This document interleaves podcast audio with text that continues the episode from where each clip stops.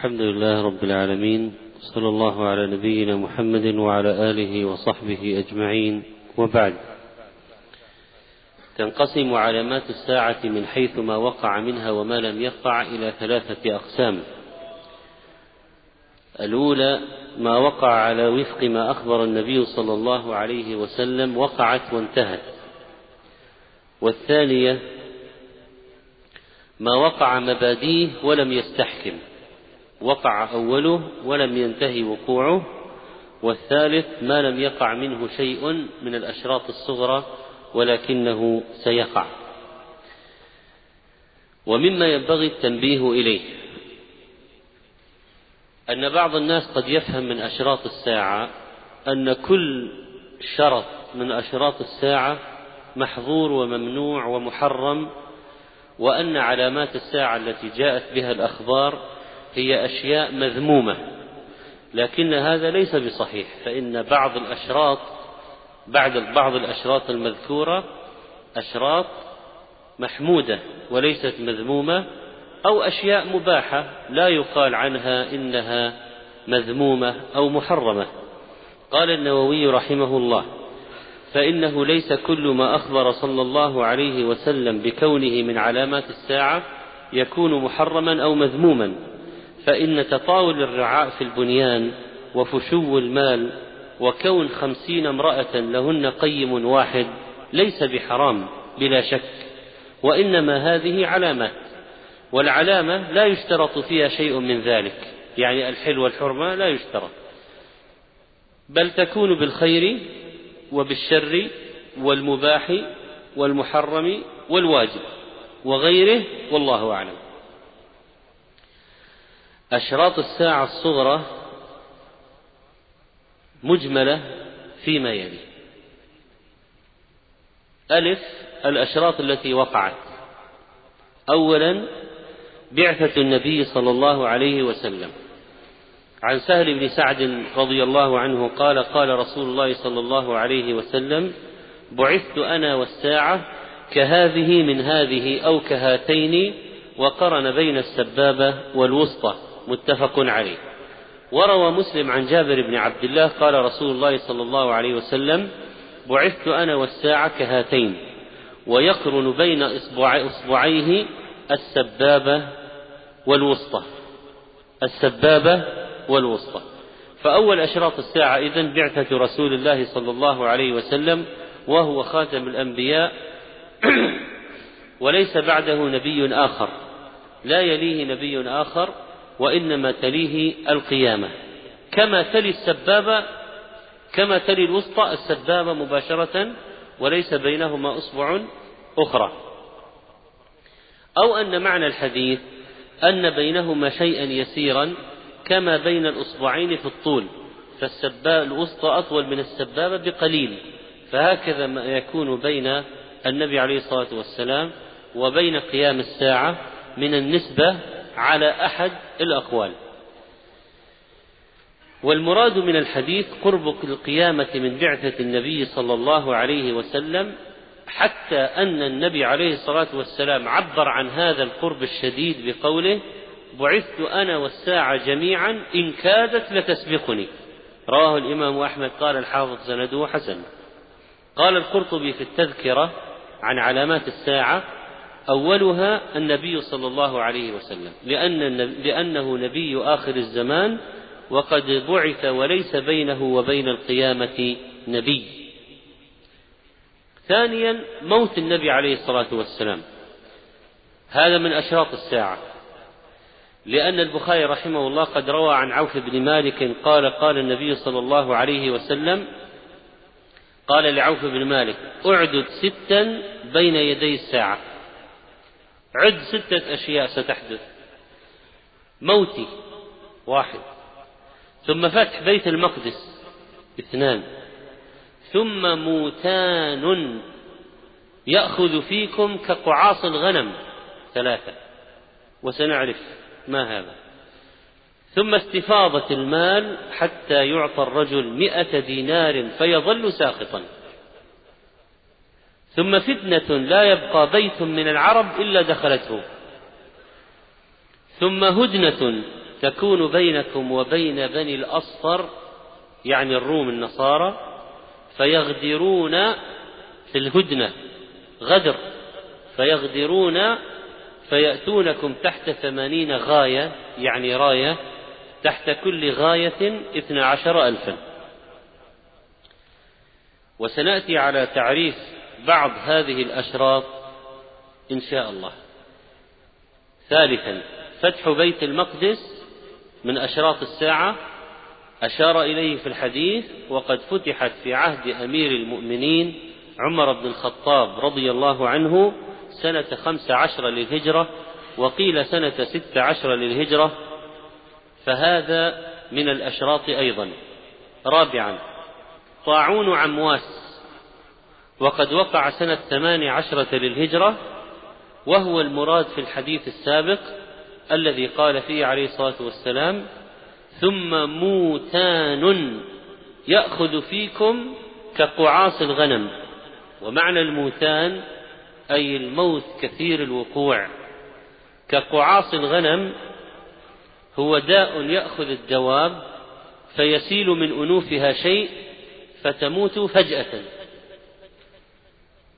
قال الحافظ رحمه الله إن هذه الآية موتان ظهرت في طاعون عمواس في خلافة عمر وكان ذلك بعد فتح بيت المقدس وممن مات فيه الصحابي الجليل أبو عبيدة بن الجراح رحمه الله وذهب فيه شهداء من الصحابة كثر. فهذا حدث أيضا الطاعون هذا أو الموتان قد حدث وهو من أشراط الساعة. الصغرى. خامسا استفاضة المال والاستغناء عن الصدقة. روى البخاري ومسلم عن أبي هريرة رضي الله عنه قال قال النبي صلى الله عليه وسلم لا تقوم الساعة لا تقوم الساعة حتى يكثر فيكم المال. فيفيض حتى يهم رب المال من يقبل صدقته. وحتى يعرض وحتى يعرضه فيقول الذي يعرضه عليه لا أرب لي مالي في حاجة خذ مالك. قال الحافظ في هذا الحديث إشارة إلى ثلاثة أحوال. الأول إلى كثرة المال فقط يعني سيأتي على الأمة وقت يكثر فيه المال. وقد كان ذلك في زمن الصحابة رضوان الله عليهم. فإنهم قد فتحوا البلاد واقتسموا أموال فارس والروم وإلى هذا الإشارة بقوله يكثر فيكم المال. إذا في أواخر عهد الصحابة أو في عهد في عهد الصحابة حصلت فتوحات وكثر المال كثرة واضحة جدا جدا. حتى أن بعض الصحابة مات وعنده ملايين الملايين عنده الملايين. وبعضهم قسمت تركته بالفأس قطع الذهب الكبار قسمت بالفأس. إذا كثر المال. الحالة الثانية بعد حالة الكثرة الإشارة إلى فيضه مع الكثرة. فإذا هو كثير ويفيض لأنه قد يكون كثيرا ولا يفيض. الحالة الثانية يكثر ويفيض بحيث يحصل استغناء كل أحد عن مال غيره. كل واحد مستغني عن مال غيره. وإلى هذا الإشارة بقوله صلى الله عليه وسلم فيفيض حتى يهم رب المال من يقبل صدقته. يكون مهموما لمن سيعطي الزكاة.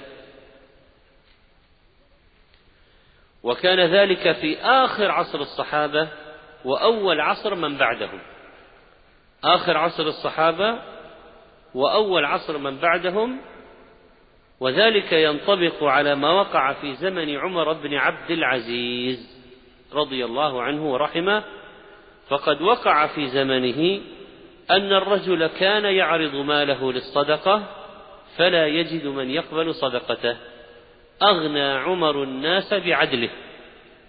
ما في فقير واحد. الحالة الثالثة فيها الإشارة إلى فيضه وحصول الاستغناء لكل أحد. وهذا كالثاني زائد حتى يهتم صاحب المال بكونه لا يجد من يقبل صدقته ويزداد بأن يعرضه على غيره. ولو كان ممن لا يستحق الصدقة فلا يقبله ويرفضه ويأبى ويقول لا حاجة لي فيه. وهذا إليه الإشارة بقول النبي صلى الله عليه وسلم حتى يعرضه فيقول الذي يعرضه عليه لا أرب لي ما لي في حاجة. إذا الحالة الثالثة تزيد عن الثانية. الثانية فيها أن المال يزيد ويفيض ويصبح الإنسان مهموما لمن سيعطي الزكاة. الحالة الثالثة الواحد يخرج يعرض المال على الناس يقول يا أيها الناس خذ خذ. حتى غير المحتاج خذ. كل واحد يقول ما لي في حاجة.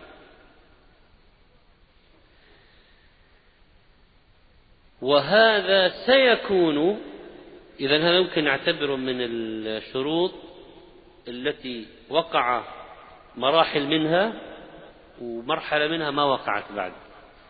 هذا سيكون في عهد عيسى عليه السلام. عهد عيسى عليه السلام إذا طهرت الأرض من الكفر لا يبقى لا يهودي ولا نصراني ولا مجوسي ولا بوذي ولا مشرك ولا كافر. إما الإسلام وإلا القتل. كل الناس يدخلون في الدين. والذي ما يرضى يقتل. ما في جزية. حكم خاص بتلك الفترة. حتى الجزية لا تقبل.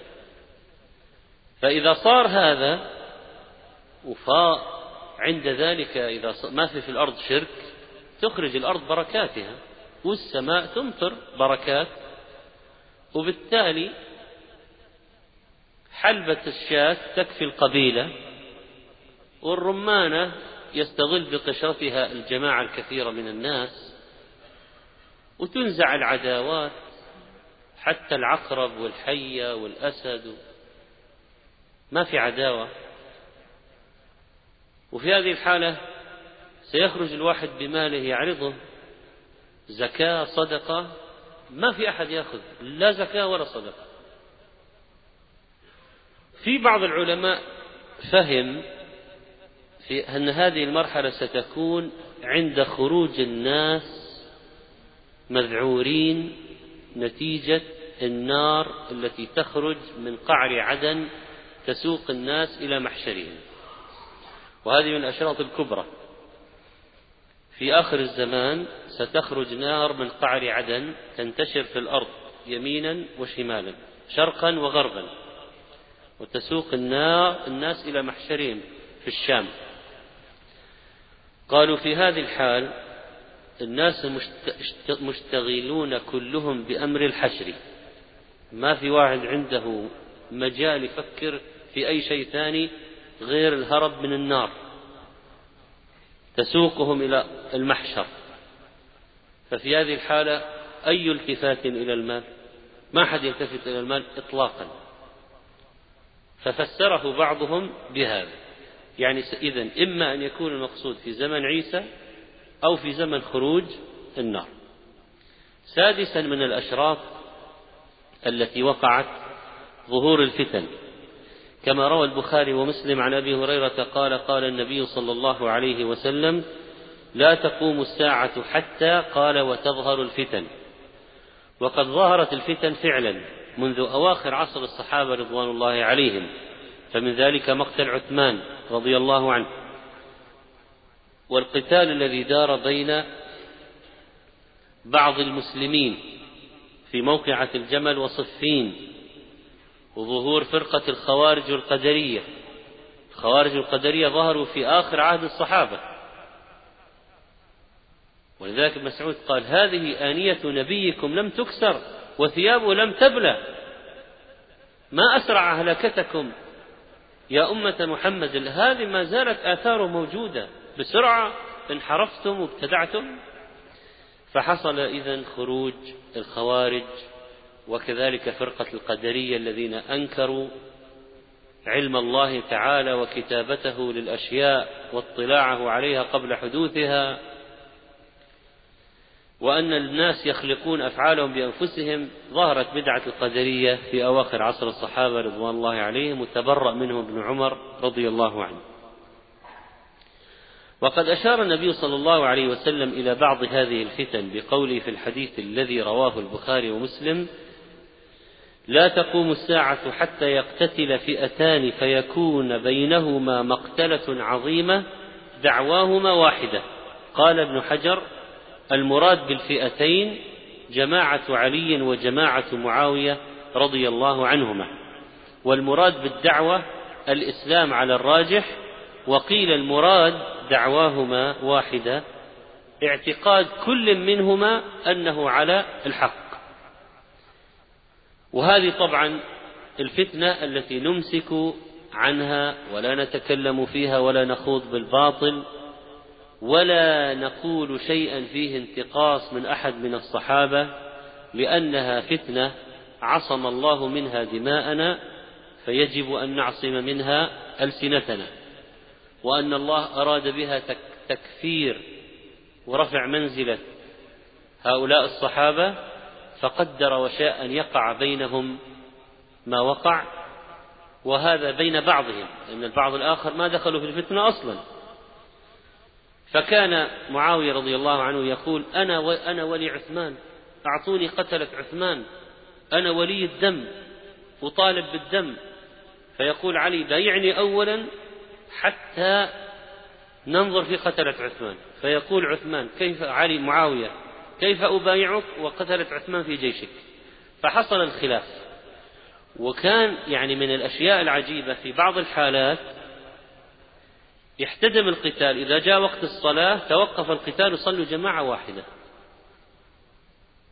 ثم يرجعون. لأن كل منهما يظن أن قتاله للآخر شرعي. شرعي. ولا شك أن علي رضي الله عنه أقرب إلى الحق بدليل حديث مسلم عن أبي سعيد الخدري قال قال رسول الله صلى الله عليه وسلم تمرق مارقة عند فرقة من المسلمين. مارقة فرقة تخرج وهي الخوارج الذين كفروا المسلمين واستباحوا دماءهم. قال يقتلها أولى الطائفتين بالحق.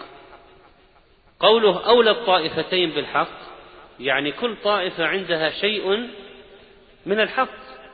لكن من الذي قتل الخوارج؟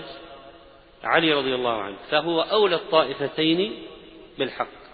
فهذا الدليل على رجحان موقف علي رضي الله عنه.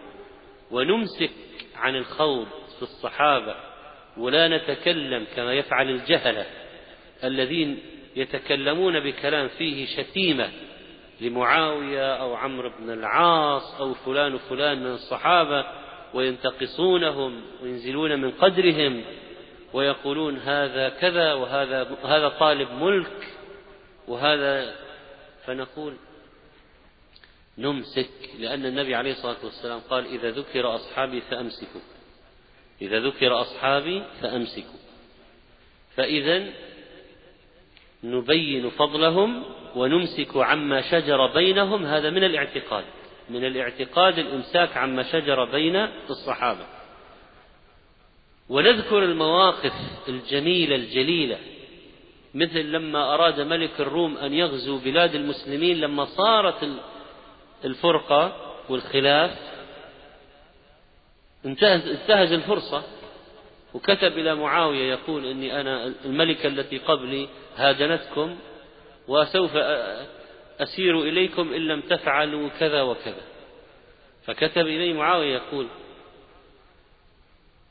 إن لم ترجع إلى بلادك لأصطلحن أنا وابن عمي عليك يا لعين ولأخرجنك من بلادك. فرجع. فانظر إلى قول معاوية رضي الله عنه لأصطلحن أنا وابن عمي عليك يا لعين. فخاف ورجع. فإذا الفتنة حصلت. ومنها خروج الفرق ومنها الاقتتال الذي صار بين بعض المسلمين. وقوله تمرق أي تخرج مارقة يعني الخوارج وقد وقع الأمر كما أخبر به النبي صلى الله عليه وسلم في سنة ست وثلاثين وسبع وثلاثين عندما وقعت المقتلة بين المسلمين وكذلك خرجت الخوارج من نهروان فقاتلهم علي رضي الله عنه فكان هو أولى الطائفتين بالحق. وكان علي رضي الله عنه لما قاتل الخوارج وقتاله لهم قتال شرعي جدا بل مأجور عليه يثاب عليه الثواب العظيم. كان يخاف عنده من الورع الشيء العظيم يخشى أن يكون هؤلاء الذين قاتلهم ليسوا هم. المعنيين بالحديث. ويقول لمن معه ابحثوا عن ذي الثدية. ذي الثدية هذا آيتهم. بحثوا بحثوا. ما وجدوا. رجعوا إليه ما وجدنا. قال ما كذب رسول الله صلى الله عليه وسلم. ولا كذب. ابحثوا. فوجدوه تحت القتلى. كومة من القتلى أزالوها. وجدوا تحتها هذا الرجل مقطوع اليد في طرف العضد مثل حلمة ثدي المرأة المخدج. لأن النبي عليه الصلاة والسلام أخبر عليا أنه سيقاتل الفئة هذه المارقة وإن فيهم هذا الرجل. فوجده فسجد شكرا لله. ومن الفتن التي وقعت في الأمة فتنة خلق القرآن التي باء بإثمها المعتزلة مثل أحمد بن أبي دؤاد وغيره. ولا تزال الفتن تقع وتشتد بالأمة وخصوصا في هذا الزمان. فتنة الشهوات وفتنة الشبهات فتن وفتنة المناصب. يبيع الرجل دينه بعرض من الدنيا يبيع دينه بحفنة من المال. وقد قال النبي صلى الله عليه وسلم بادروا بالأعمال فتنا يعني اعملوا قبل أن تأتي فتن. بادروا بالأعمال فتنا كقطع الليل. المظلم يصبح الرجل مؤمنا ويمسي كافرا أو يمسي مؤمنا ويصبح كافرا. التقلب سريع التقلب سريع يبيع دينه بعرض من الدنيا. قال النووي رحمه الله معنى الحديث الحث على المبادرة إلى الأعمال الصالحة قبل تعذرها والاشتغال عنها بما يحدث من الفتن الشاغلة المتكاثرة المتراكمة كتراكم ظلام الليل المظلم وليس كظلام الليل المضيء بالقمر كظلام الليل المظلم. ووصف صلى الله عليه وسلم نوعا من شدائد تلك الفتن وهو أنه يمسي مؤمنا ثم يصبح كافرا أو عكسه وهذا شك الراوي وهذا لعظم الفتن ينقلب الإنسان في اليوم الواحد هذا الانقلاب. قال المبارك فوري في تحفة الأحوذي كقطع الليل المظلم أي كقطع من الليل المظلم لفرط سوادها وظلمتها وعدم تبين الصلاح والفساد فيها. وحاصل معنى الحديث تعجلوا بالأعمال الصالحة قبل مجيء الفتن المظلمة من القتل والنهب والاختلاف بين المسلمين في أمر الدنيا والدين فإنكم لا تطيقون الأعمال على وجه الكمال فيها. يعني حينئذ. يعني أعبد الآن في وقت السكينة في وقت الأمن في وقت الرخاء في وقت السلم قبل أن يأتيك أيام حروب ونهب وسلب واقتتال ما تستطيع تعبد فيها مثل الآن. فاغتنم عمرك الآن. ومن الفتن التي لم تقع بعد لأن هذا الشرط يمكن اعتباره من الشروط التي وقع كثير منها ليس أولها فقط كثير منها لكن باقي فيها قضية الفتن. باقي فيها. من الفتن التي ما ظهرت بعد فتنة الأحلاس والسراء والدهيماء. روى أحمد وأبو داود عن عبد الله بن عمر قال كنا, كنا قعودا عند رسول الله صلى الله عليه وسلم فذكر الفتن فأكثر في ذكرها حتى ذكر فتنة الأحلاس. فقال قائل يا رسول الله وما فتنة الأحلاس؟ قال هي هرب وحرب. هرب وحرب. ثم فتنة السراء. دخنها من تحت قدمي رجل من أهل بيتي.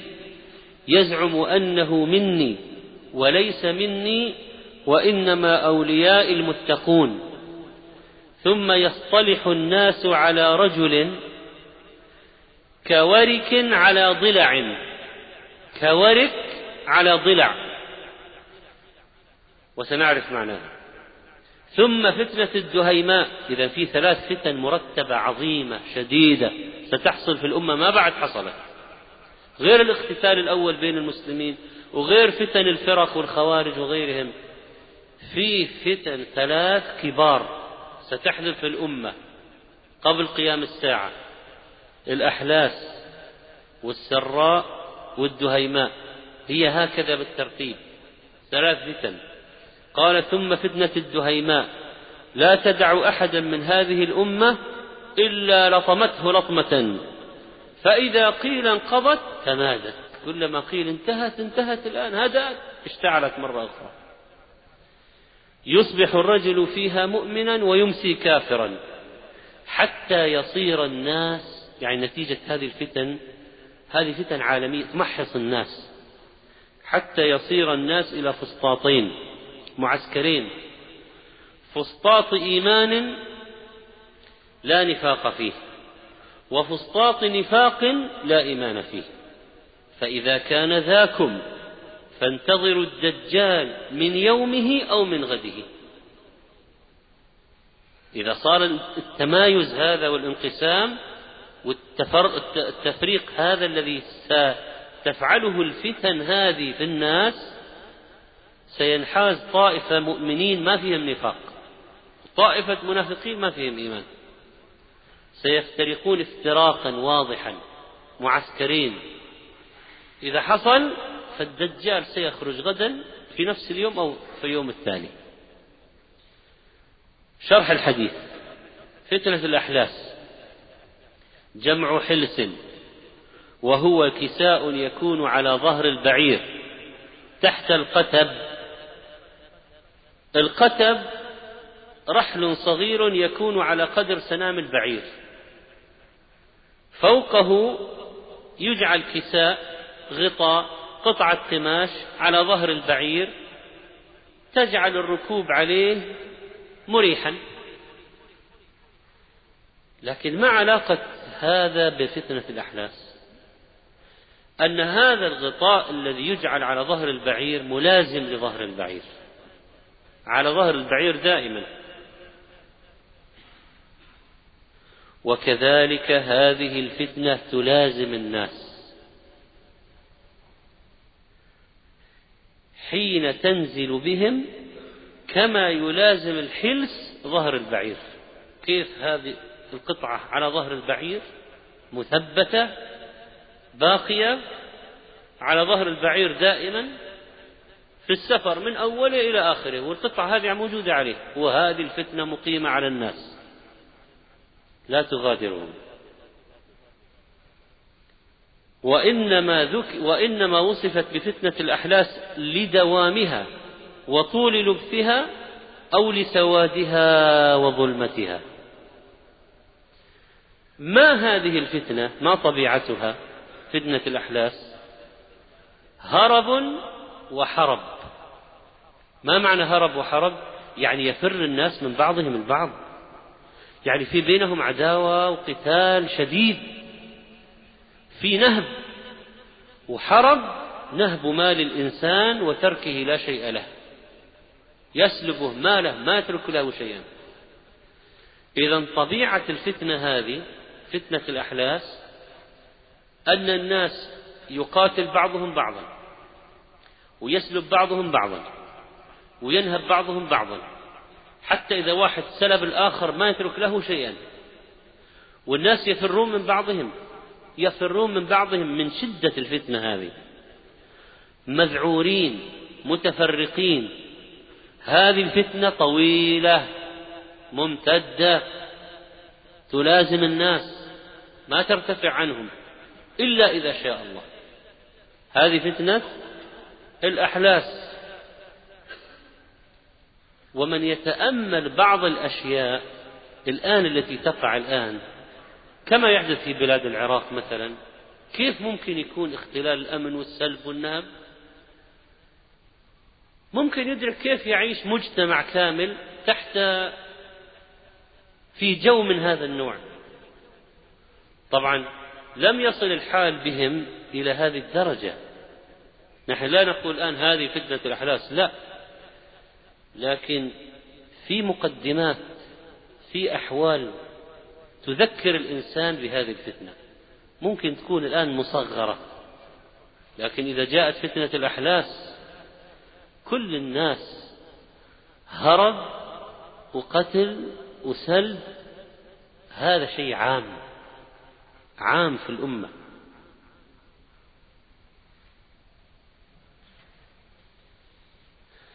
قال الخطابي الحرب ذهاب المال والأهل. راحت عليه أمواله وأهله. قتلوا والمال سرق. نهب فتنة الأحلاس هرب وحرب. وليش قال بادروا بالأعمال؟ يعني الآن الآن الآن انتهز الفرصة في العبادة. يمكن يأتي عليك وقت ما تقوم فيه الليل. ولا تصلي الضحى ولا تستطيع. ليس عندك من الهدوء وراحة البال ما تستوعب به قرآنا تقرأه في الصلاة أو ركوعا وسجودا مطمئنا ووقت تدعو فيه لأنك في شغل من نتيجة الفتنة. ثم فتنة السراء. بعد فتنة الأحلاس ستأتي الثانية وهي فتنة السراء. والمراد بالسراء النعماء التي تسر الناس من الصحة والرخاء والعافية من البلاء والوباء. هذه فتنة السراء. ابتلوا قبلها بالضراء وبعد ذلك سيأتيهم تهدأ الأمور تضع الحرب أوزار ويبتلوا بفتنة جديدة وهي فتنة السراء من الصحة. والعافية من البلاء والوباء ولكنها سراء تنسيهم ذكر الله وعبادته فيقعون في المعاصي بسبب كثرة التنعم.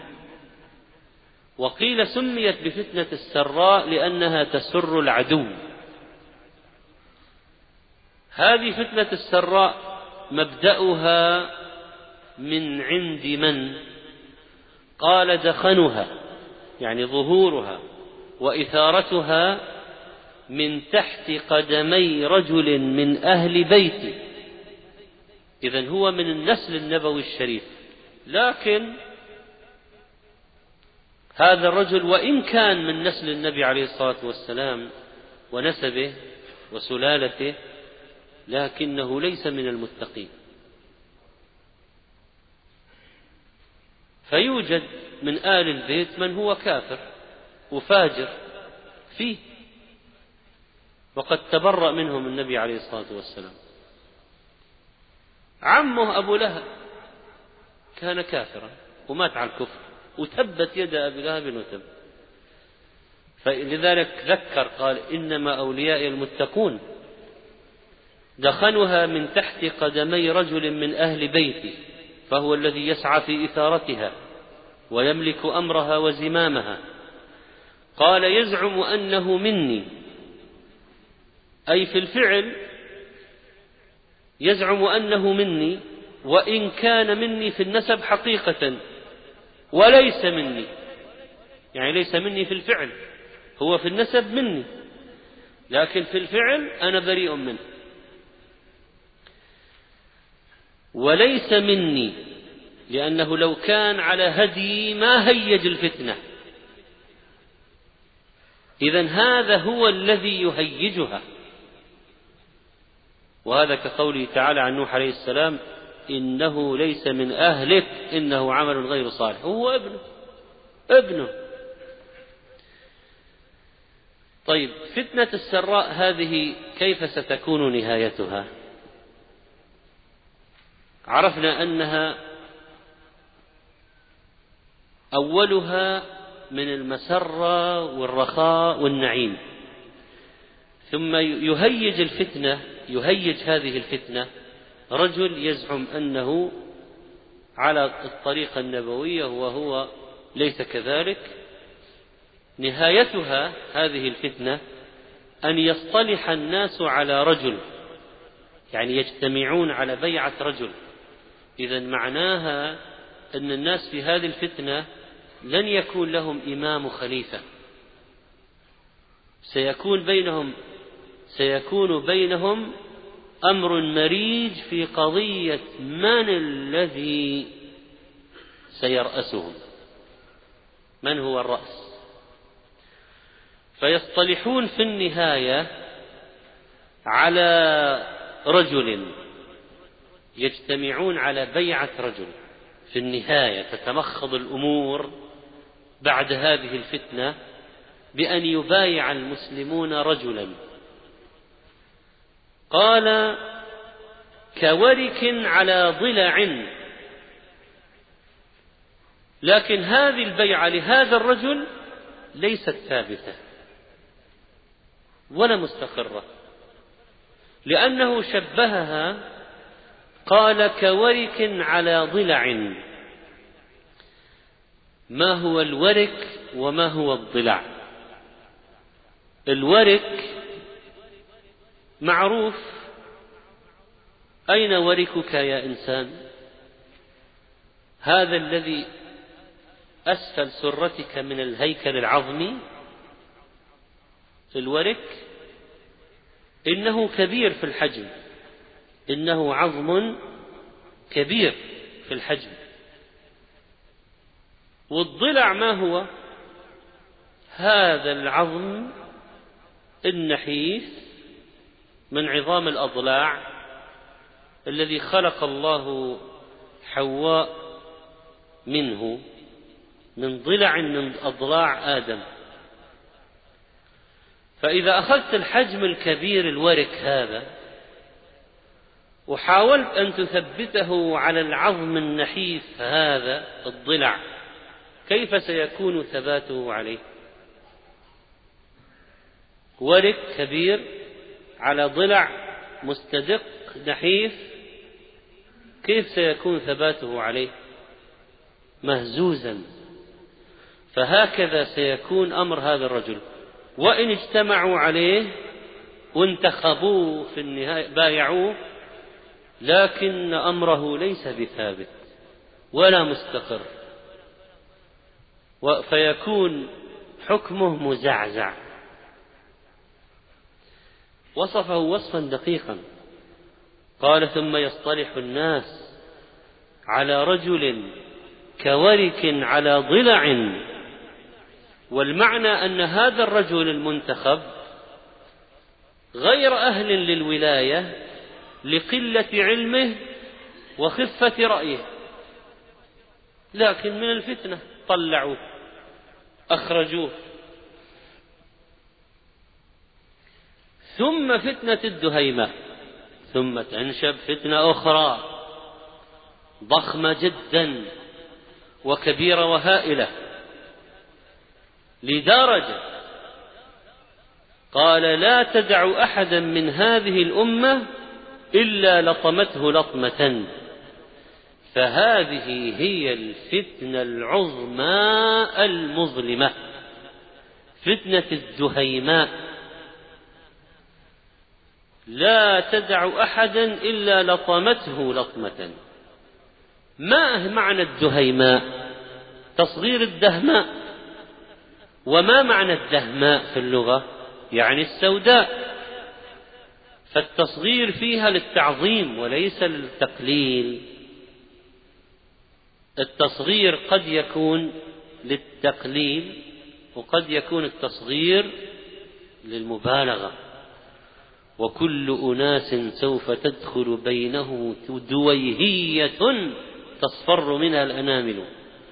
داهية صغرها دويهية وليس المقصود بالتصغير هنا التقليل المقصود بها التضخيم والتكبير.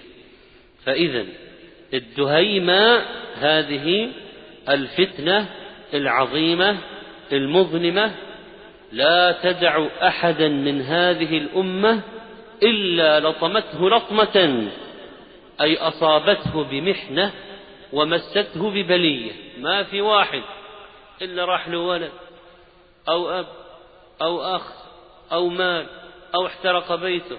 أو ذهبت دابته. ما في أحد إلا يصاب بها. من عظيم شررها أنها تدخل على كل الناس وتمس كل الناس. ما في ولا واحد إلا تمس. هذه فتنة الدهيماء.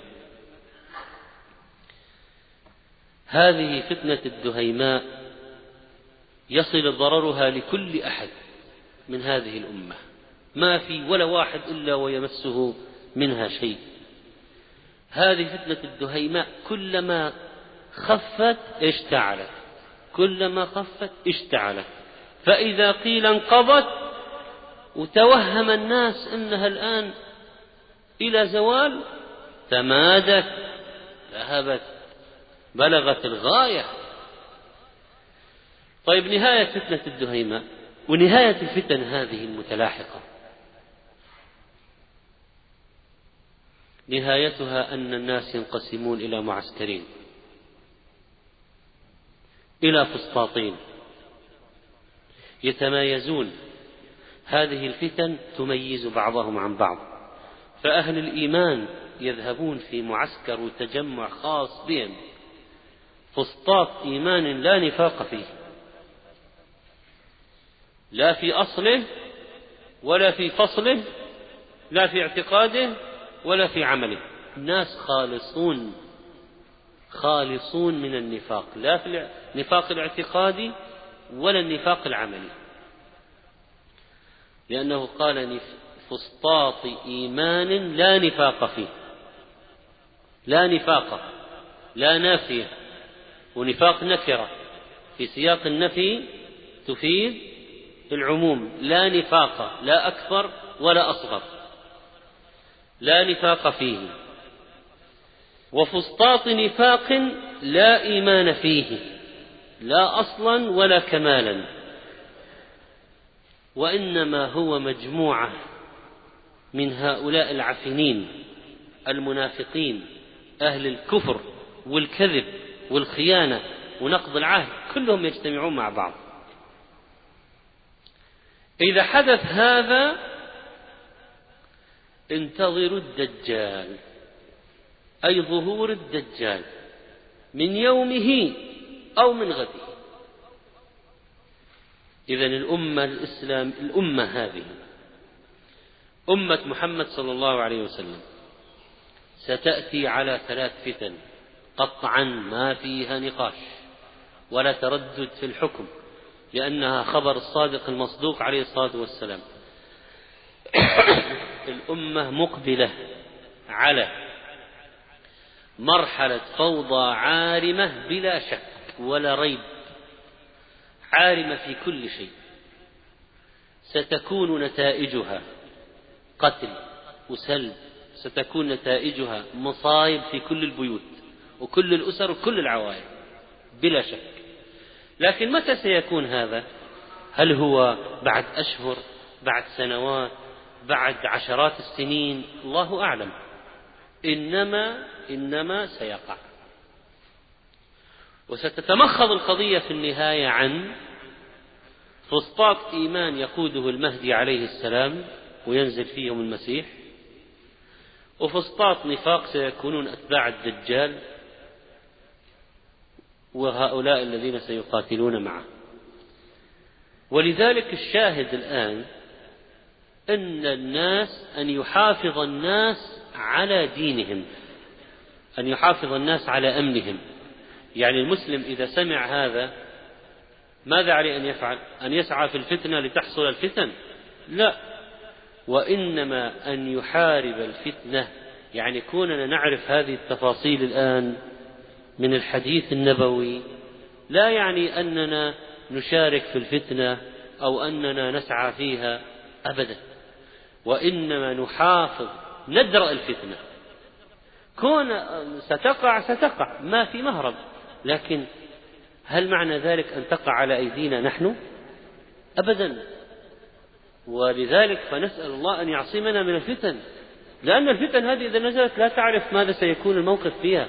يمكن إنسان يكفر ويقتل وينهب يضل يكون مؤمن يصبح كافر. لأنه قال في الحديث يمسي مؤمنا فيصبح كافرا. إذا المطلوب نشر العلم نشر الوعي نشر الأمن المحافظة على الأمن والوعي والدين والدعوة والتربية والمكتسبات الشرعية وتثبيت النفس وتثبيت الناس هذا هو المطلوب. لأن الإنسان إذا عرف أن شيئا من هذا سيحدث فإنه سيصيبه الخوف من أن يكون في حياته. ولذلك يسعى يكافح أن لا يكون هذا في في حياته. يدرأ الفتن. أما إذا شاء الله وقوعها ستقع بالتأكيد.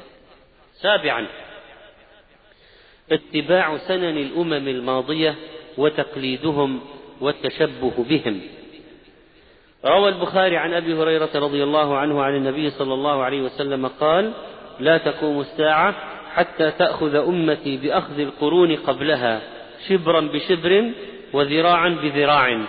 فقيل يا رسول الله كفارس والروم؟ فقال ومن الناس إلا أولئك؟ وفي الصحيحين عن أبي سعيد رضي الله عنه أن النبي صلى الله عليه وسلم قال لتتبعن سنن من قبلكم شبرا بشبر وذراعا بذراع حتى لو سلكوا جحر ضب لسلكتموه. قلنا يا رسول الله اليهود والنصارى قال فمن يعني من غيرهم أعني؟ أعني هذين هاتين الأمتين اليهود والنصارى. وقد وقع التمثيل في الحديث بجحر الضب لشدة ضيقه. ورداءته.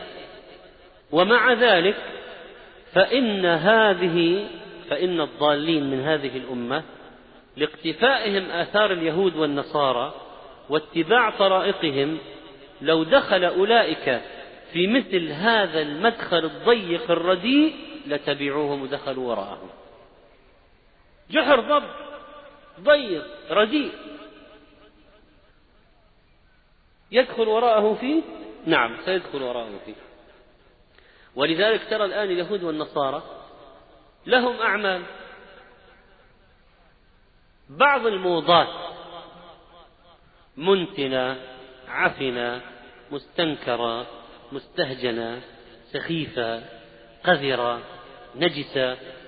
إذا فعلوها تجد بعض الشباب يفعلون مثلهم. يعني يأتي هؤلاء يضعون أقراط في جفن العين. شفت الجفن هذا الذي خلقه الله لحماية العين؟ يأتي هؤلاء الكفرة يضعون حلق معدنية في جفن العين. فيأتي بعض المسلمين يضع حلق معدنية في جفن العين. عمرك شفت زينة في كذا خرق جفن العين لتثبيت أقراط؟ هذه الحلق لو وضع في الشفة خرطوا الشفة ووضعوا فيها. لو سلكوا جحر ضب دخلوا وراءه. قال النووي والمراد بالشبر والذراع وجحر الضب التمثيل بشدة الموافقة لهم. والمراد الموافقة في المعاصي والمخالفات لا في الكفر. يعني هذا الحديث الآن لا يتكلم عن قضية الكفر أو الكفر فقط. يعني أن واحد مسلم يصير يهودي أو يصير نصراني ممكن يقع ممكن. في ناس تنصروا من المسلمين لكنه يتحدث عن قضية التشبه بهم فيما دون الكفر. مثل الموضات والأزياء والعادات واللباس وهكذا. ولا يتكلم الحديث عن التشبه بهم في الطرق النافعة في الزراعة والصرف الصحي والإدارة وتنظيم الأعمال والعمليات الجراحية بالليزر واستعمال الحاسوب. لا لا. وإنما عن الأشياء اتبعوا اقتفوا آثارهم واتباعهم لطرائقهم. المراد الموافقة في المعاصي والمخالفات. إذا حديث الضب جحر الضب. حديث التشبه هذا موضوعه الذم هنا في قضية المو... المو... المعاصي والمنكرات والمخالفات. قال النووي رحمه الله وفي هذا معجزة ظاهرة لرسول الله صلى الله عليه وسلم فقد وقع ما أخبر به صلى الله عليه وسلم. وفي هذا الزمان كثر في المسلمين في زماننا هذا بطبيعة الحال التشبه. لو استعملوا بيض مصبوغ في العيد جاء هؤلاء واستعملوا بيض مصبوغ. لو نسبوا نساءهم إلى أزواجهم في النسب ومسز فلان قالوا هذه تبعوهم على ذلك. أي شيء. أي فيه حرام نسبة المرأة إلى غير أبيها لعن. آه، أي شيء من الأشياء الهيئات. ولو كانت هيئة مقرفة مقززة قذرة اتبعوهم. كما نرى. قصات شعور ملابس اتبعوهم وهكذا. قوانين الكفار هذه من أشنعها. ثامنا من أشراط الساعة التي حصلت. طبعا التشبه حصل ولا زال يحصل. والفتن حصلت ولا زالت تحصل. انتشار الأمن أخبر النبي عليه الصلاة والسلام عن مرحلة زمنية معينة في الأمة أنه سيكون فيها أمن عظيم. وقد وقع هذا في عهد الصحابة رضوان الله عليهم بعد النبي عليه الصلاة والسلام. فروى عدي بن حاتم رضي الله عنه قال كما في البخاري بين أنا عند النبي صلى الله عليه وسلم إذ أتاه رجل فشكى إليه الفاقة الفقر. ثم أتاه آخر فشكى إليه قطع السبيل قطع الطريق فقال يا عدي هل رأيت الحيرة؟ قلت لم أرها وقد أنبئت عنها. هذه مدينة بعيدة. قال فإن طالت بك حياة لترين الضعينة ترتحل من الحيرة حتى تطوف بالكعبة لا تخاف أحدا إلا الله. جاء في رواية أن علي قال فأين دعار طيء الذين سعروا البلاد؟ أين مجرمو طيء؟ وين قطاع طرق طيء؟ كيف ما يقطع الطريق عليها؟ وين إن هذه الطريق مخوفة. هذه الطريق فيها خطر عظيم لمن سلكها. أين أين هؤلاء الدعار؟ جمع داعر. طيء أين هؤلاء الناس المجرمين؟ كيف يعني ستسير المرأة المرأة وحدها من الحيرة؟ قال لترين الضعينة ترتحل من الحيرة حتى تطوف بالكعبة؟ كل المسافة هذه لا تخاف أحدا إلا الله. قال ولئن طالت بك حياة لتفتحن كنوز كسرى. قلت كسرى بن هرمز. قال كسرى بن هرمز. ولئن طالت بك حياة لترين الرجل يخرج ملء كفه من ذهب أو فضة. يطلب من يقبله منه فلا يجد أحدا يقبله منه. قال عدي. فرأيت الضعينة. عاش عدي. وجاءت وجاء عهد الفاروق. وجاء عهد الأمان والإطمئنان والفتوحات والعدل الذي نشر الأمن واستتب الأمر للمسلمين. وقد كان عهد النبي عليه الصلاة والسلام جهاد للكفار حتى أخضع الجزيرة. وعهد الصديق قتال للمرتدين حتى درأ الفتنة وثبت الدعائم. في الأساس عهد الفاروق كان عهد الامتداد. بعد أن وطد من قبله الأمور في القاعدة انطلقت الفتوحات في الأمصار المختلفة. قال فرأيت الضعينة ترتحل من الحيرة حتى تطوف بالكعبة لا تخاف إلا الله. وكنت في من افتتح كنوز كسرى بن هرمز. يقول عدي ولئن طالت بكم يا أيها السامعين لحديثي فإنه يحدثهم. حياة لترون ما قال النبي أبو القاسم صلى الله عليه وسلم يخرج ملء كفه. يعني الرجل ولا يجد من يقبله. طيب هذا الأمن حصل. ثم يزول بالفتن والأشياء بين المسلمين كما حصل كما سيحصل في فتنة الأحلاس والسراء والدهيماء كما أخبر. لكن هل يعني ذلك أنه يزول الأمن بالكلية فلا أمن بعده؟ الجواب كلا. سيحصل أمن آخر. ما هو؟ روى أحمد عن أبي هريرة النبي صلى الله عليه وسلم ذكر نزول المسيح عيسى بن مريم وفيه. فيدق الصليب. يكسر كل صليب في العالم. ما في ولا صليب. ويقتل الخنزير. ويضع الجزية. ويدعو الناس إلى الإسلام. فيهلك الله في زمانه الملل كلها إلا الإسلام. لا هندوس ولا سيخ ولا بوذيين كل الأمم تهلك إلا الإسلام. ويهلك الله في زمانه المسيح الدجال. وتقع الأمنة على الأرض. تقع الأمنة يعني الأمن. تملأ الأرض من الأمن كما يملأ الإناء من الماء. وإذا قلت السلام العالمي متى سيقع؟ حقيقة في عهد عيسى عليه السلام. قبله ما في سلام عالمي. يعني سلام في كل العالم ما في. حروب في أماكن مختلفة فتن ثورات لابد السلام العالمي حقيقة سيقع في عهد عيسى عليه السلام. وتقع الأمنة على الأرض حتى ترتع الأسود مع الإبل. الأسود مع الإبل والنمار مع البقر والذئاب مع الغنم ويلعب الصبيان بالحيات لا تضرهم فيمكث أربعين سنة ثم يتوفى ويصلي عليه المسلمون.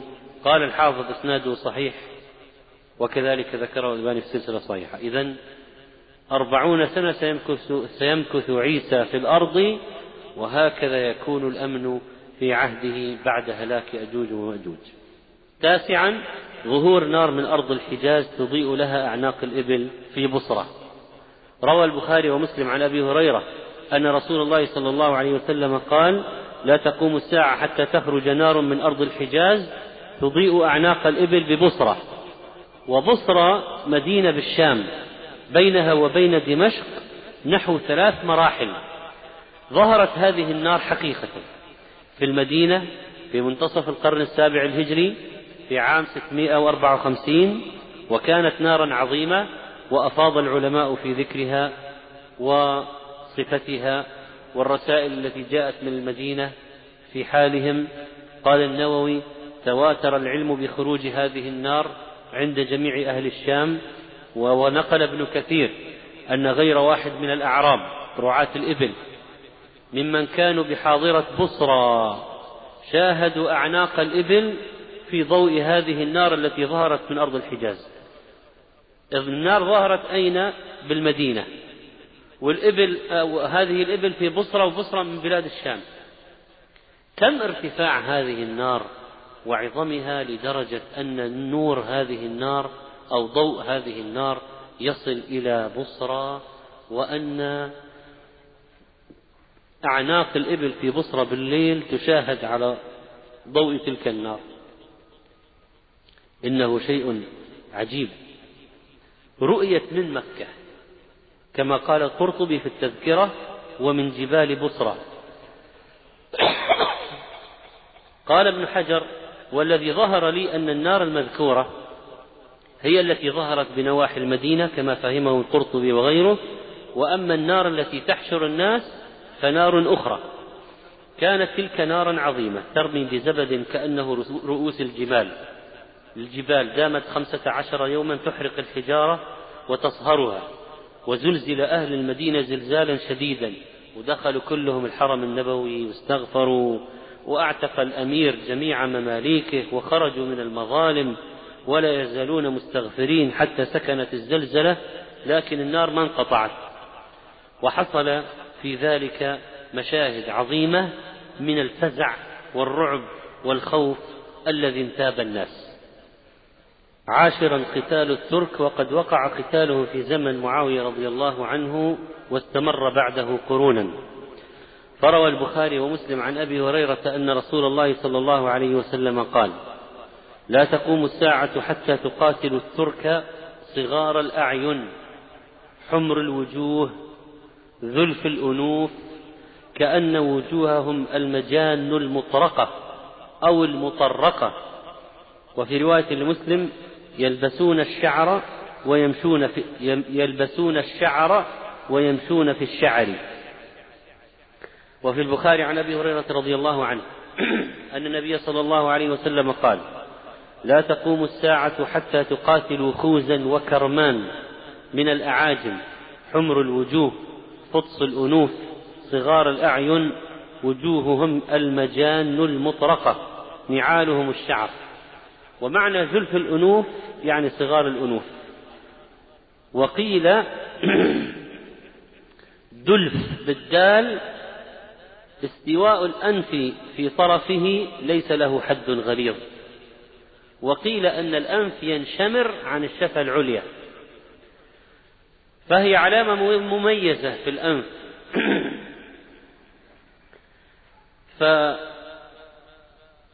ففيهم فطس الأنوف الأنف الأفطس ليس له حد. كأن وجوههم المجان المطرقة جمع مجن وهو الترس. والمطرقة أو المطرقة التي غطيت بالجلود طاقة فوق طاقة. فإذا وجوههم عريضة. شبه وجوههم في عرض في عرضها وكثرة لحمها بالترس المغطى بالجلد. نعالهم الشعر يعني نعالهم مصنوعة من الشعر فيجعلونها من شعر مضفور ويلبسون الشعر أيضا يستخدمونه في لباسهم. وقال تقاتل خوزا وكرمان أمتان من الأعاجم. تقاتلون الترك. والحديث يخبر عن قتال الترك والخوز وكرمان أيضا. ويحتمل أن يكون قتال الترك من أشراط الساعة فيقع قريبا منها يقول ابن كثير. وعلى هذا يمتد القتال بين المسلمين والترك مدة عظيمة حتى يكون آخر ذلك بين يأجوج ومأجوج. إذا اعتبر أن يأجوج ومأجوج من الترك. وحصل قتال طبعا مع التتر. وهولاكو وجنكيز خان. وحصل قتال كان الترك فيه يهجمون. والنبي عليه الصلاة والسلام قال اتركوا الترك ما تركوكم. إذا تركوكم فإذا ما تركونا سنقاتلهم. لكن أن نستفزهم كما فعل ذلك الرجل وقد ذكرنا قصته فكان سبب بلاء عظيم على الأمة الإسلامية. ويأجوج ومأجوج ما لنا فيهم ما لنا معهم حول ولا قوة. ولذلك يقول الله لعيسى لا يدان لأحد بقتالهم. إذا خرج يأجوج ومأجوج يقول انسحب. ما في قدرة على مواجهتهم. أما الترك الآخرون فجهادهم طبعا أي ترك ليس المسلمين الدولة العثمانية لا طبعا هذا لا علاقة له بالموضوع إطلاقا. هؤلاء دخلوا في الإسلام. لكن المقصود بهم في تلك النواحي من الأرض الكفار. الكفار. أما الأتراك المسلمين فهذه قضية أخرى. هؤلاء شيد الله بهم أركان الدين في الأرض قرونا متطاولة. أطول دولة بعد العباسية في الدولة العثمانية في العمر. قال النووي وهذه كلها معجزات لرسول الله صلى الله عليه وسلم فقد وجد هؤلاء قتال هؤلاء الترك بجميع صفاتهم التي ذكرها صلى الله عليه وسلم.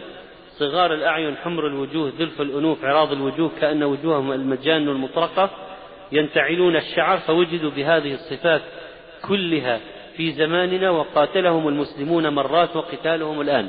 إذا في عهد النووي كان لا زال قتال الترك الكفار لا زال قائما. وقال الحافظ ابن حجر إن قتال الترك وقع في خلافة بني أمية واستمر بعد ذلك قرونا. وقال الشيخ حمود التويجري رحمه الله وقد ظهر مصداق هذا الحديث في أثناء القرن الثاني عشر من الهجرة حين جاء الترك وأعوانهم من المفسدين في الأرض فعاثوا في بلاد نجد بالقتل والتخريب والإفساد. طبعا هذا حصل لما جاء طوسون وغيره من الأتراك الذين انحرفوا عن جادة التوحيد فقاتلوا أه قاتلوا أتباع الشيخ محمد بن عبد الوهاب رحمه الله وخربوا الدرعية فالشيخ حمود رحمه الله يرى بأن جزء من قتال الترك كان هذا الذي حصل في الدرعية أما عندما يكون هؤلاء من المسلمين الموحدين قطعا لا يراد بهم الترك المذكورين. في الحديث.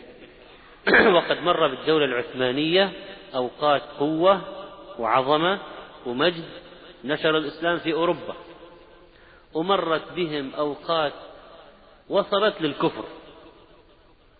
عندما جاء بعض قادتهم واستوردوا القوانين من أوروبا وطبقوها في بلاد الدولة العثمانية. وصارت الفترات المعروفة بالرجل المريض وهكذا.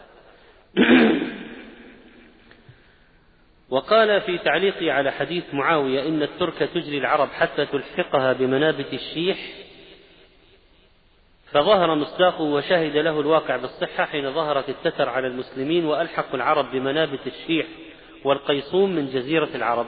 وطبعا هذه النبتات أو لرعي تستعمل الشيح في رعي النبات معروف في الصحراء. فأجلوهم حتى حتى أوصلوهم إلى هذه المنطقة.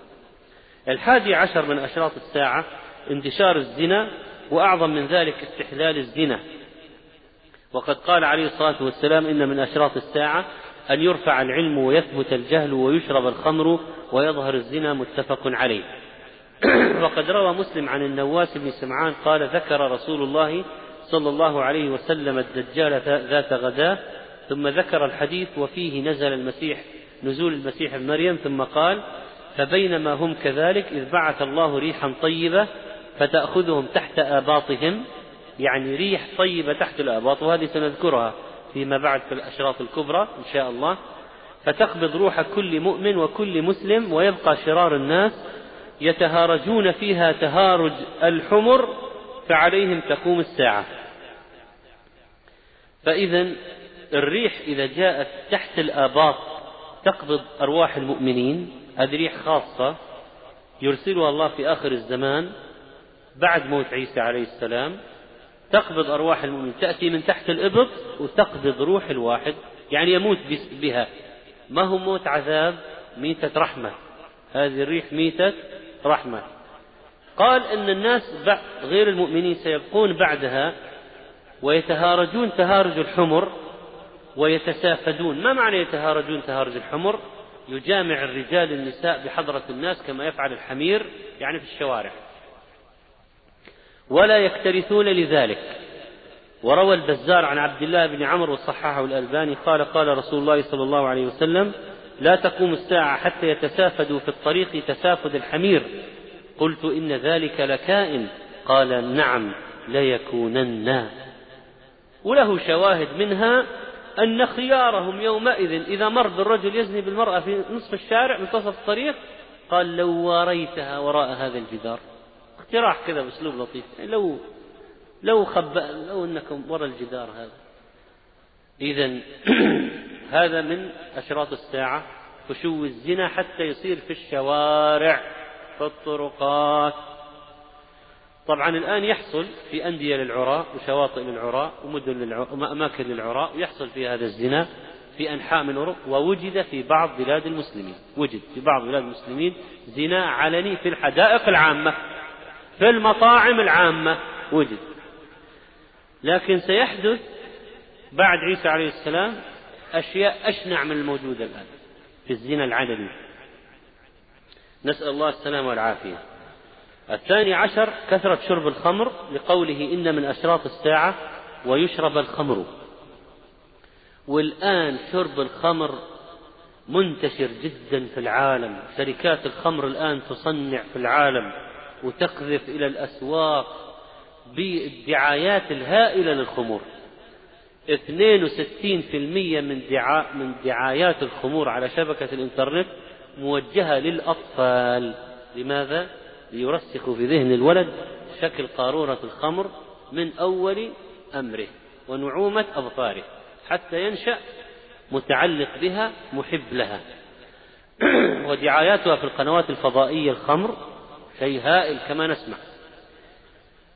ووجودها في الفنادق والأماكن المختلفة وتهريبها حتى أنهم يهربونها في خزانات السيارات يملؤونها بالخمر.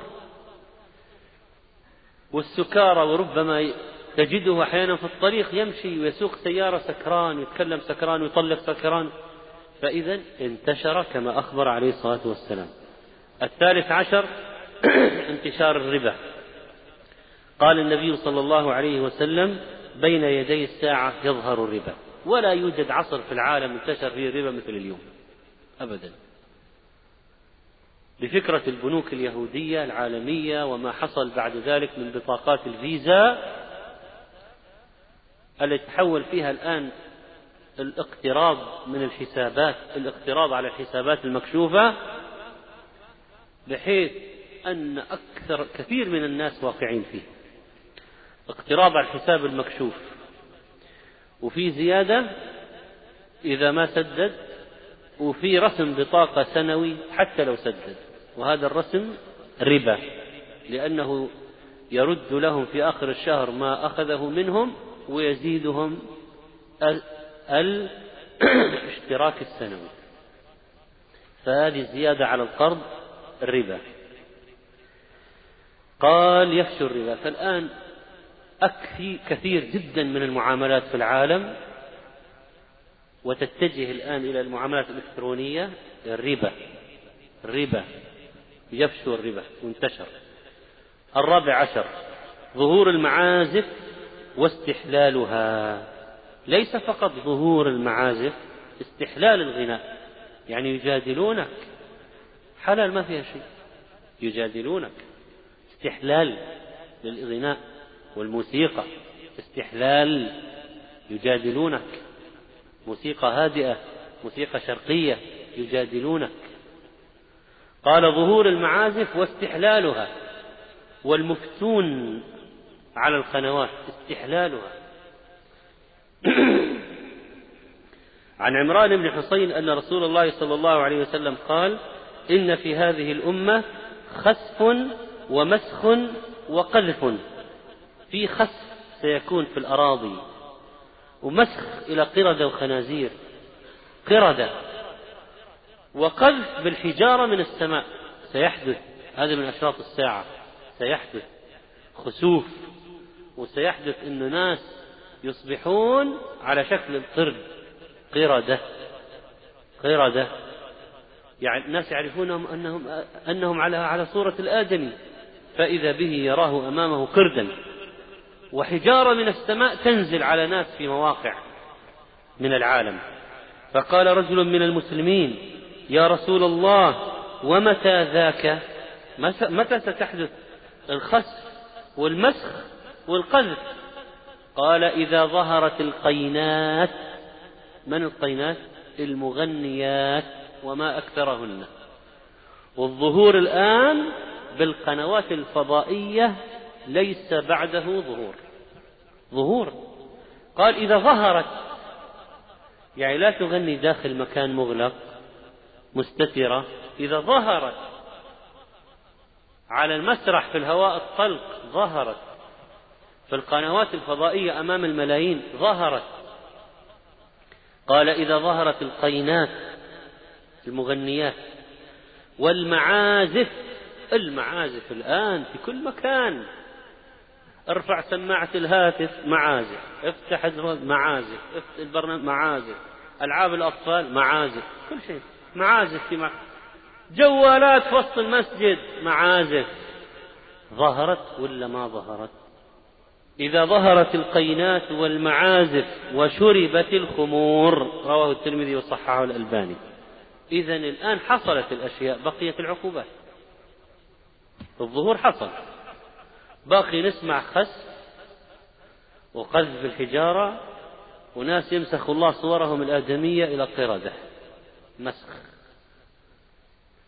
هؤلاء أخبر عن ناس تحت جبل لهم ماشية يبيتون على خمر ومعازف ومغنيات. يذهب الراعي بالغنم يرجع وإذا القوم ممسوخين والجبل الذي كانوا تحته يجعله الله عليهم. كما جاء في الحديث الصحيح. هذا سيقع. مسخ. المسخ طبعا ليس بمشهور ولا معروف في التاريخ الإسلامي أنه حصل في هذه الأمة. معروف في اليهود بني إسرائيل. ورد في بعض الأخبار يعني حالات نادرة جدا يعني ذكر ابن تيمية في كتاب الاستقامة بعض الأشياء عن بعض الرافضة أنه لما مات كشف عن وجهه بعد ما مات فوجد رأس خنزير. يعني احتمال وجدت حالات احتمال. وجد حالات نادرة فيما مضى. لكن المسخ الع... مسخ المسخ المشهور لعداد من الناس لم يحصل بعد. سيحصل قطعا. لأن النبي عليه الصلاة والسلام أخبر عنه بلا ريب ولا تردد. نجزم به ونؤمن به. سيقع الخامس عشر زخرفة المساجد والتباهي بها من أشراط الساعة. روى النسائي عن أنس أن النبي صلى الله عليه وسلم قال من أشراط الساعة أن يتباهى الناس في المساجد. صححه الألباني. وقال في عون المعبود يتفاخر في يتفاخرون في ماذا؟ يتباهون يعني يتفاخرون في بنائها وتشييدها وكل واحد يقول أنا مسجدي أرفع أو أزين أو أوسع أو أحسن رياء وسمعة واجتلابا للمدحة لثناء الناس. قال ابن رسلان هذا الحديث فيه معجزة ظاهرة لإخباره صلى الله عليه وسلم عما سيقع بعده فإن تزويق المساجد والمباهاة بزخرفتها كثر من الملوك والأمراء في الزمان بالقاهرة والشام وبيت طبعا هو يتحدث عن وقته. الآن عن الزم في هذا الزمان بالقاهرة والشام وبيت المقدس بأخذهم أموال الناس ظلما وعمارتهم بها على هذه الأشكال ثم التباهي بها. فقد يفرضونها ضرائب على الناس بالقوة ثم يشيدون بها مساجد ويتباهون بها. وقد يجعل بعضهم ضريحا وقبرا فيها أو قبره فيها زيادة في الإثم والعدوان والشرك. السادس عشر التطاول في البنيان. طبعا هذا من الأشياء التي قلنا إنه لا يشترط أن تكون أشراط الساعة كلها محرمة مذمومة فقد تكون بعضها مباحة أو محمودة.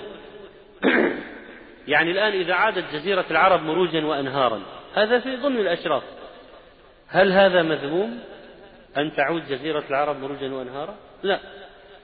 أن أن الناس يصعدون في البنيان إلى أعلى. طيب قد تدعو لهذا الحاجة؟ يعني كثرة السكانية وقلة مساحات الأراضي المهيئة للبناء. مثل مكة الآن مثلا. الوضع يتطلب ارتفاعا في البنيان. لتكفي الأعداد من الناس. إذا لا يشترط أن تكون كل الأشراط من القسم المذموم. قال الحافظ رحمه الله ومعنى التطاول في البنيان يعني قد يكون مذموما تباهي كل واحد يقول أنا بيتي أعلى من بيتك وقد يكون للحاجة ارتفع الناس في البنيان. قال ومعنى التطاول في البنيان أن كلا ممن كان يبني بيتا يريد أن يكون ارتفاع ارتفاعه أعلى من ارتفاع الآخر ويحتمل أن يكون المراد المباهاة به في الزينة والزخرفة أو أعم من ذلك وقد وجد الكثير من ذلك وهو في ازدياد. يقول ابن حجر وهو في ازدياد ولو رأى زماننا وهو في ازدياد. وقد ظهر ذلك منذ زمن بعيد ولعل هذا مرتبط بقول عليه الصلاة والسلام ويكثر المال. لأن كثرة المال من أسباب التطاول في البنيان. حتى أن أهل البادية بعضهم بنى بنى العمائر الضخمة الكبيرة. قال وأن ترى الحفاة العراة العالة الفقراء الحفاة ما في أرجلهم نعال. العراة لا يكاد يستر أبدانهم شيء. رعاء الشاء يتطاولون في البنيان. وهذا قد حدث بعد حدوث الطفرة النفطية. فرأيت بعضا ممن كان فعلا راعي غنم فقير يحدثك عن حاله في الفقر سابقا كيف صار يبني عمارة ضخمة طويلة. ووصلت القضية طبعا إلى ناطحات السحاب في هذا الزمن. السابع عشر أن تلد الأمة ربتها أو ربها. ربها يعني المالك لها. ربها في البخاري وربتها في مسلم. قال بعض العلماء تكثر الجواري وتلد من سيدها ولدا يكون بمنزلة سيدها لأنه لأنه ولد سيدها. إذا وطئ الجارية وحملت صارت الجارية أم ولد تتحول ترتقي من أم من جارية إلى أم ولد لكن ما تتحرر. إلا عند موت السيد. فلها أحكام الجارية أما إذا ولدت من زو من من ممن وطئها حرا تصبح أم ولد وإذا مات عتقت لموته تلقائيا. أن تلد الأمة ربتها. وهذا قول أكثر العلماء.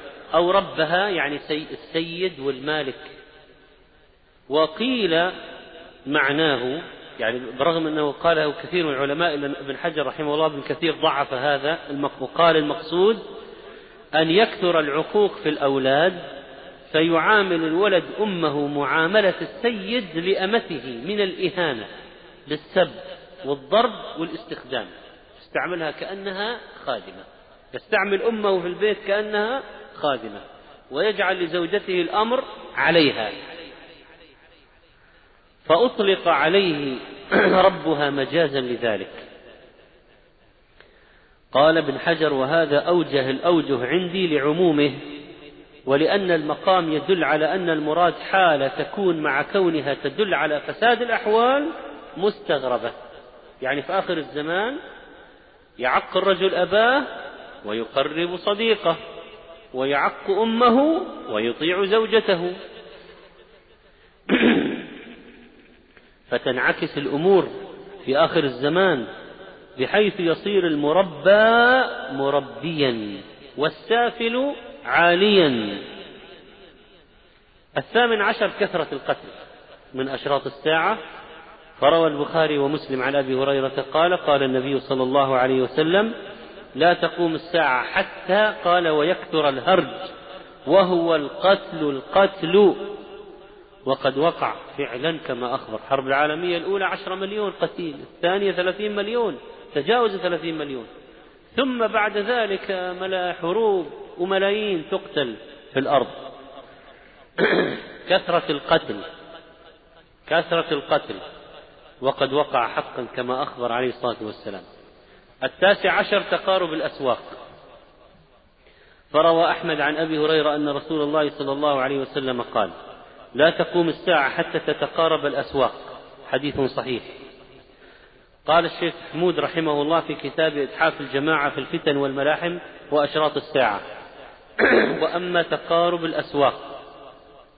والظاهر والله أعلم أن ذلك إشارة إلى ما وقع في زماننا من تقارب أهل الأرض بسبب المراكب الجوية والأرضية والآلات الكهربائية التي تنقل الأصوات كالإذاعات والتليفونات الهوائية طبعا الآن الإنترنت التي صارت أسواق الأرض متقاربة بسببها فلا يكون تغيير في الأسعار في قطر من الأقطار إلا ويعلم به التجار أو غالبهم في جميع أرجاء الأرض. شوف لو الذهب في تايوان ارتفع على الناحية الغربية الأخرى من جهة من الأرض العلم فوري لحظيا. على الشاشة على الشاشة. أي تغير في أقصى الأرض من مشرق والمغرب يعلم به فورا. تقارب الأسواق. قال فلا يكون تغيير في الأسعار في قطر من الأقطار إلا ويعلم به التجار أو غالبهم في جميع أرجاء الأرض. فيزيدون في السعر إنزال وينقصون إن نقص وكذلك من تقارب الأسواق يذهب التاجر في السيارات إلى أسواق المدائن التي تبعد عنه مسيرة أيام فيقضي حاجته منها ثم يرجع في يوم أو بعض يوم ويذهب في الطائرات إلى أسواق المدائن التي تبعد عنه مسيرة شهر فأكثر فيقضي حاجته ويرجع في يوم أو بعض يوم. والإنترنت وشاشات البنوك الشراء من أنحاء العالم أمامك. أمامك أسواق العالم أمامك في البيت في المكتب أسواق العالم أمامك على الشاشة. تبغى من سوق طوكيو من سوق لندن من سوق نيويورك موجودة أمامك. فهل هذا في تقريب يعني تتصور تقريبا أكثر من هذا؟ إذا حصل تقارب الأسواق الذي أخبر النبي عليه الصلاة والسلام عنه. حقيقة الوحي الذي يوحى. لا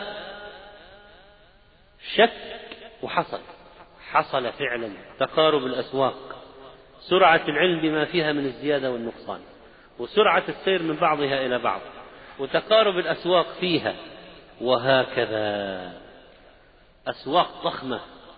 eBay dot com ثلاث ملايين أكثر من ثلاث ملايين سلعة.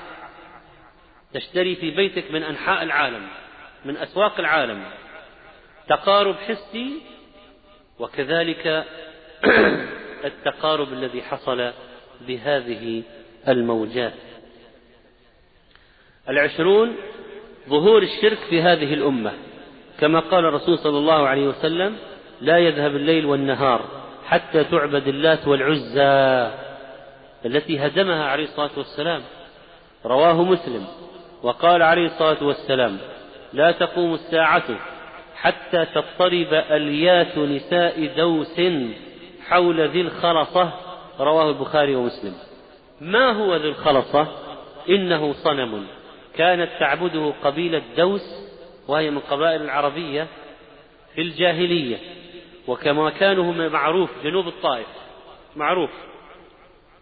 وقد وقع حقيقة ما أخبر به النبي صلى الله عليه وسلم فبعد أن محي هذا الصنم وأزيل وأرسل النبي عليه الصلاة والسلام إليه من خربه وحرقه رجع بعض العرب إلى ما كانوا فيه من الشرك والجاهلية فعبدوا ذا الخلصة ولما أرسل الله المجدد الإمام بعثه محمد بن عبد الوهاب في هذه الجزيرة جاء والصنم يعبد. وقباب على القبور وقبور تعبد وأشجار تعبد وأحجار تعبد في جزيرة العرب. فجدد الله به الدين وأعاد به الناس إلى التوحيد. وناس آخرين من المصلحين في مصر والشام واليمن والمغرب والهند. ناس راحوا في الشرك. فأعادوا بهم إلى التوحيد مرة أخرى. إذا قال إن اللات والعزى ستعبد من دون الله وإن صنم ذي الخلصة هذا سيعبد من دون الله مرة أخرى. وما معنى أن تضطرب أليات نساء دوس؟ إذا هناك طقوس ستمارس حتى تضطرب ألية المرأة عند الصنم. ألية المرأة تهتز وتضطرب عند الصنم.